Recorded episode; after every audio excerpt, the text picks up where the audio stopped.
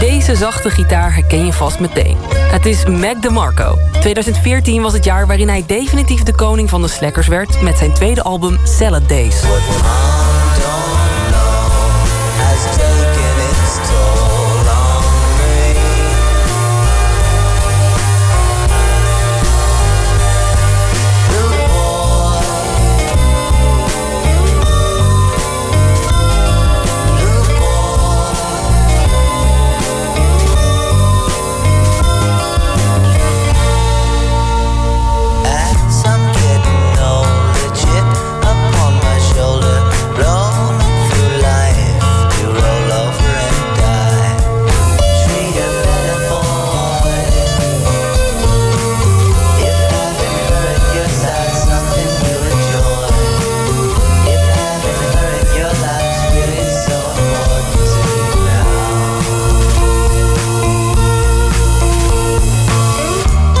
Zijn eerste album Do in 2012 veroorzaakte Mac een enorme hype. En met opvolger Salad Days maakte hij twee jaar later de hype echt waar. Op Salad Days hoor je die typische relaxte Mac DeMarco sound. Zonnige gitaren, krakende synthesizers, een beetje valse zang en een lekkere live vibe. Deze week was Mac DeMarco in Nederland om twee uitverkochte shows in Paradiso Amsterdam te spelen. Vlak voor de show sprak ik hem backstage en hij ging graag even terug in de tijd naar 2014. I mean, I remember making that record pretty clearly. It was I made it in my little bedroom. We were living in this place called the Meat Wallet in uh, Brooklyn, and um, yeah, I, I remember.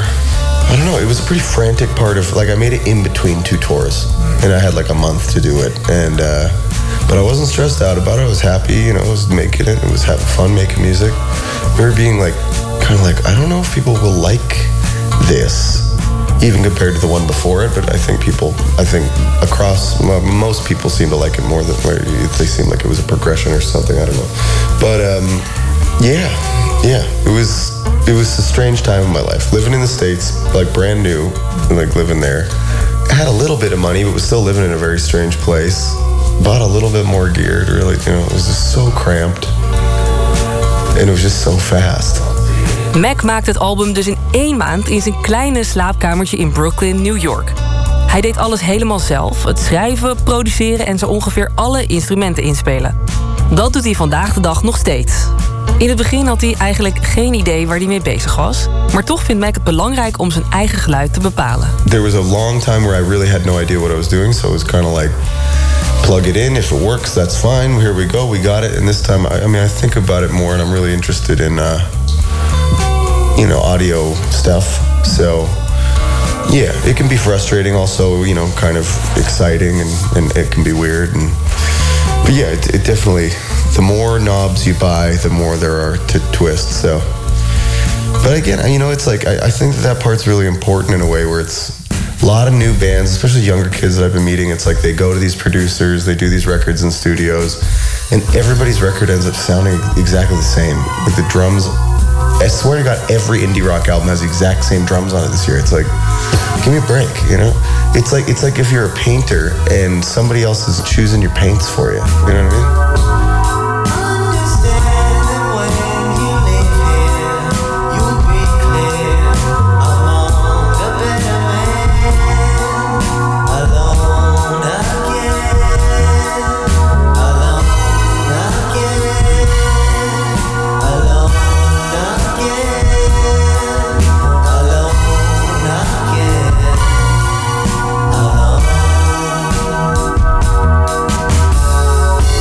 Mac DeMarco doet het dus allemaal graag helemaal zelf. Maar waarom dan in zijn kleine slaapkamertje? Waarom boekt hij niet gewoon een hele dikke studio voor zichzelf? I, I, I admire, you know, those kinds of places. I just think that like the way that I've always done it and the way that I do it, I, like, you know, I'm in my underwear. I'm like smoking cigarettes. I'm taking my time. Like if I went to a studio and was on the clock, I think it would like screw me up. You know what I mean? But there's certain things about it you know, because I and I have like very nice, a lot of nice pieces of gear at this point too. But there's things like a gigantic console, like that would be cool to have, or like a really, really well designed, beautiful sounding room, like that would be nice. You know, instead I've got this like dead little shack and a couple like little sidecar mixers and stuff. But I don't know. I, it, I don't know. It, it, it's weird. If I could really just go into a place, have as much time as I wanted, and not have anybody like breathing down my neck or doing the engineering, like I want to do the, I like doing that part of it. You know what I mean? So maybe someday, but not right now. En dat in zijn onderbroek thuis opnemen, dat doet hij nog steeds. Alleen niet meer in zijn slaapkamertje in New York, maar in zijn zelfgebouwde studio aan huis in LA. Maar fancy is het nog steeds niet. Het is gewoon een omgebouwde garage. Uh, it's an old converted two-car garage. Um, I got a bunch of like a lot. It's pretty packed out with gear in there at this point. Uh, so yeah, it's like a little right beside. I have a pool in my backyard too, so it's kind of like you take a dip, you go in there, you do your thing, um, and it does the trick. You know, it's. Uh, nothing too flashy, but, but you know, better than anything I've ever had before. So it's cool to have a space for it. In de vijf jaar sinds Salad Days is er dus eigenlijk niet zo heel veel veranderd. Mac DeMarco doet nog steeds precies wat hij wil in zijn eigen tempo. En toch, als hij terugdenkt aan die periode, herkent hij zichzelf bijna niet. we were already rolling with two, and then when Salad Days came out, it was like it just kind of felt the same, you know, like it was the hype was still going.